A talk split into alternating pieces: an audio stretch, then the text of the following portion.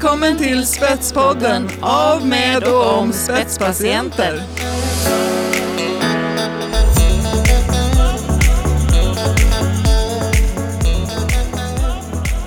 Jag sitter här med en väldigt spännande gäst och eh, jag heter då Helena Konning och har möjligheten att få samtala med en politiker.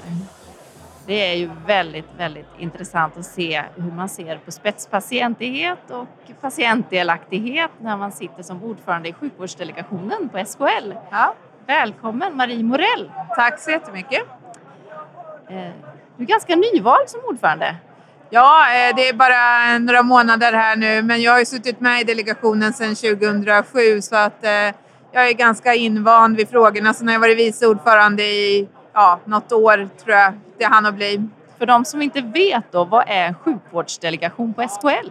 Ja, det, SKL är ju för det första en medlemsorganisation som, där alla regioner och kommuner i hela landet är, är medlemmar. Och det är en samarbetsorganisation kan man väl säga där man försöker att eh, hjälpas åt. Dels är det ju det finns ju massa människor som arbetar där och hjälper till att supporta och stödja våra medlemmar i alla olika frågor som rör sig i regioner och kommuner. Just sjukvårdsdelegationen, vi har ju då särskilt fokus på sjukvård som det ju heter. Och eh, vi remissvarar ganska mycket på olika, vi har till exempel eh, nu tittat mycket på den här läkemedelsremissen som har kommit från Toivo Heinso, men vi är också avtalspart till exempel, så det är vår delegation som Ja, även om det formellt sett tas av styrelsen, men arbetar med till exempel statsbidrag från regeringen. Eh, vi gör, kan ge rekommendationer till regionerna. Just nu jobbar vi till exempel med det här med nätläkare och hur mycket, ska det, hur mycket pengar ska de få? Eh, läkemedelsfrågor som sagt var en stor del. Så att vi rör oss i alla de här olika delarna. Eh, så det är ett spännande uppdrag. Ja, det förstår jag. Verkligen spännande. Och jag tänker så här att det här är ju stora styr, styrande lagar, förordningar och begrepp och egentligen inne i hela apparaten med väldigt tunga beslut. Ja. Eh, hur ser du då på Eh, patientdelaktighet även upp i den här eh, strukturen? Ja, men det är ju väldigt viktigt, tänker jag, att, att vi... Alltså, som politiker har man ju en lite komplicerad roll kanske man kan tycka. Jag menar, vi ska företräda alla olika aspekter, men för mig är det väldigt viktigt att liksom hela tiden tänka på vilka vi egentligen till för och vilka är vården till för. Och det är ju patienterna, att de ska få en så bra vård som möjligt.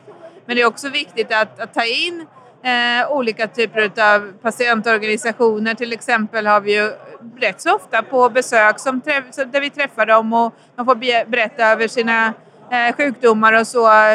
Bara senast här så hade vi, som inte kanske är som vanlig, men sköldkörtelföreningen till exempel som ju är personer som inte vi har pratat ganska mycket sällsynta diagnoser som är ett ganska komplicerat område och så vidare. Så vi lyfter relativt ofta in patientorganisationer för att få deras berättelse också hur de ser på hur vården fungerar just på sjukvårdsdelegationen. Mm. Faktiskt.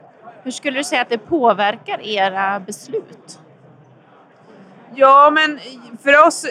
Alltså, vi, vi fattar ju ofta beslut utifrån att vi kanske då ger ett remissvar till, till ett beslut som ska sedan fattas i riksdagen eller vi kanske ger en rekommendation. Som, så vi, vi fattar ju indirekta beslut kan man ju säga, så det är ju oftast inte vi som sitter med det avgörande. Men genom att belysa frågor så har man ju makt. Man kan ju ha makt och påverkansmöjlighet på många olika sätt i samhället, tänker jag. Eh, vi kan ju ge rekommendationer till exempel eh, till landstingen över olika saker som man ska följa och så. Så för mig är det viktigt och även också kanske om vi tar nu sällsynta som, som ett sådant exempel. Där har det varit ganska så trassligt över hur ska man agera i de här sammanhangen och var ska de finnas i systemet och ändå lyssna på dem och hur kan vi då hjälpa till att bringa ordning och reda liksom i deras processer. Sen har jag ju förmånen också att vara ordförande i eh, Kommunalförbundet avancerad strålbehandling som ju jobbar med cancerpatienter och där är det också väldigt viktigt eh, som jag har driver, bedriver, driver Scandium-klinik genom protonstrålning så att eh, där är också patientperspektivet jätteviktigt. Ja, det kan jag bara hålla med om. Jag är själv bröstcancerpatient så jag har ju liksom eh, fått känna på den där behandlingen och man är ju väldigt glad över att eh, de där processerna fungerar när man väl kommer till det att man behöver dem, att de fungerar och ger den hjälp de ska Precis. ge. Sen så sitter du också med då som politiker och har gjort i många år i Östergötland. Ja. Vad pågår där just nu? Oj, det pågår ganska mycket tycker jag. jag alltså Östergötland har ju traditionellt sett varit ett välskött fögderi, även inte jag har styrt det. Men eh, alltså, det vi har haft som har varit en ganska unikt arbete hos oss i Östergötland utifrån det här med patientperspektivet så är ju det Eh, ända sedan mitten på 90-talet så har vi jobbat med, med olika typer av fokusgrupper kan man väl kalla det för. Det har hetat lite olika saker genom årens lopp. Brukardialog har det hetat på senare år. Där vi har valt ut ett antal områden inom vården där man har gjort en, så att säga, en behovsanalys, mer professionellt tittat på vad är kunskapsläget, var står det Östergötland? Men samtidigt koppla på dialoger då med patienter och anhöriga. Mm. Så sedan mitten av 90-talet så har det i princip varit eh, dialoger mellan politik där vi har haft ett, säg, någonstans mellan 30-35 politiker som haft det som sitt uppdrag att vara ute och prata om, om hur patienterna upplever vården. Och då är det med som en del i vårt beslutsunderlag sen när vi ska ge uppdrag till verksamheten över vad är det man ska åstadkomma och hur ska man förbättra vården? Så där tänker jag att Östergötland har ju varit under en lång tid eh, unika. Jag hade för länge sedan då, eftersom jag har varit med så himla länge, möjligheten att under flera år ingå i det arbete som handlade om psykiatri till exempel. Och det är ju sånt som jag känner att jag bär ju fortfarande med mig de mötena som vi hade inom barn och ungdomspsykiatrin eller när man sitter på rättspsykiatrin i Vadstena och träffar intagna och pratar med dem om hur det är att vara rättspsykiatrisk patient. Så det samtalet är ju inte så jättemånga politiker som kanske har haft men det är någonting som det, liksom, det sitter kvar där på något sätt i, i DNA kan man väl säga. Projektet Spetspatienter då som jag arbetar en del i och eh, flera olika projektpartner är involverade i är ju någonting nytt kan man säga. Ja. Alltså med ett nytt begrepp i alla fall i den här patientdelaktighets och patientmedverkansvärlden. Vi har ju tagit fram 12 kompetenser där vi ser att man som patient tar helt enkelt olika roller eller kompetenser för att navigera sig genom vården eller för att må bättre själv, sköta sin egen vård, eh, ja, helt enkelt klara av de hälsoutmaningar som man står inför. Är du en spetspatient?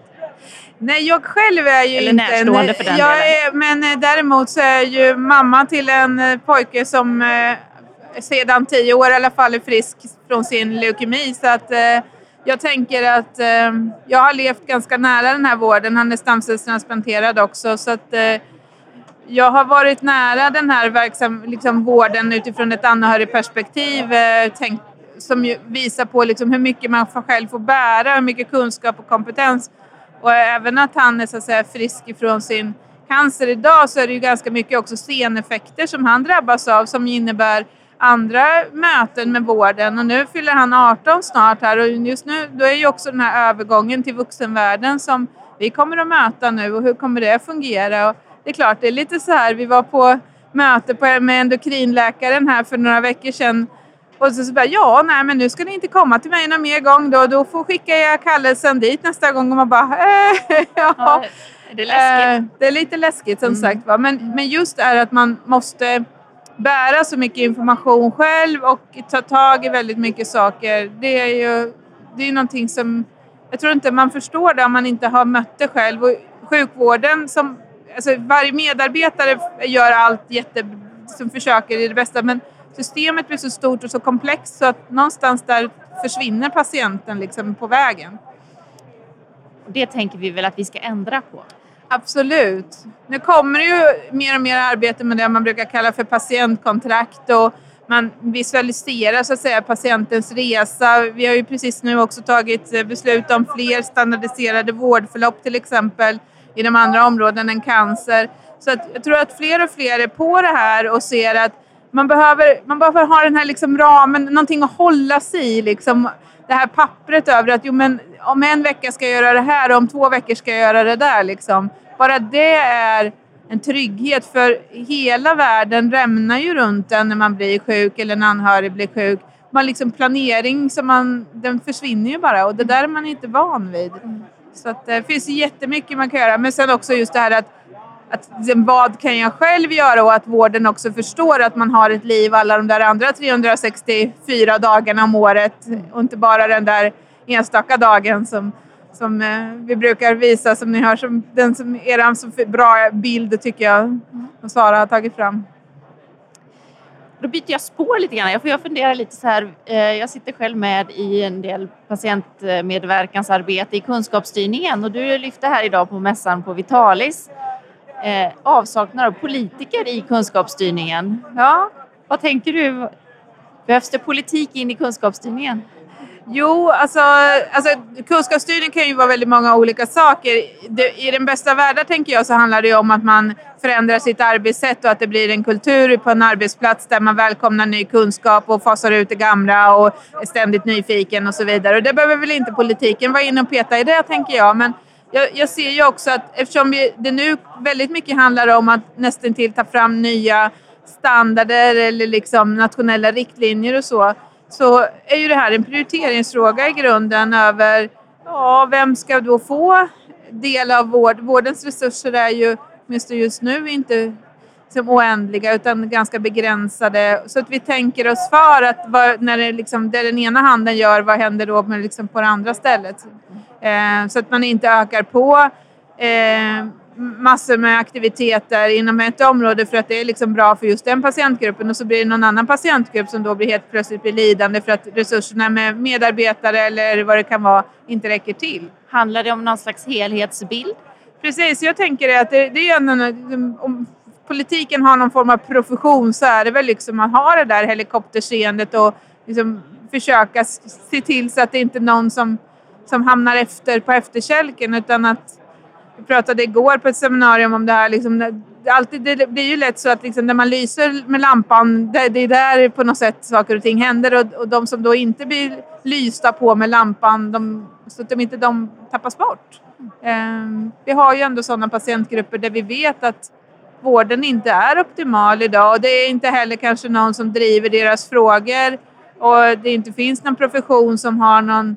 Alltså, det är nya nya sjukdomar kanske, eller ja, nya är de väl inte? Eller kombinationer av Kombination, sjukdomar. Precis. Det är väl det ja. kan man tänka sig som vi ser när vi pratar om spetspatientighet, att man kanske har en multisjuk situation. Exakt. Och då helt plötsligt så finns inte den eh, helhetssynen Nej. eller den lösningen eller den är helt individuell kanske. Mm. Så vi får väl vara, jag tänker att man får vara lite djävulens advokat och liksom vara på och peta så att eh, Nej, och till, som sagt var till, till syvende och sist så brukar det ofta handla om att man ska ha resurser och det är vi som sitter på den där pengapåsen. Så jag tänker för självbevarelsedriften borde de involvera politiken. Ja. Då får vi säga förvalta det väl, säger vi då. Tack så mycket för att du kom hit. Tack själv.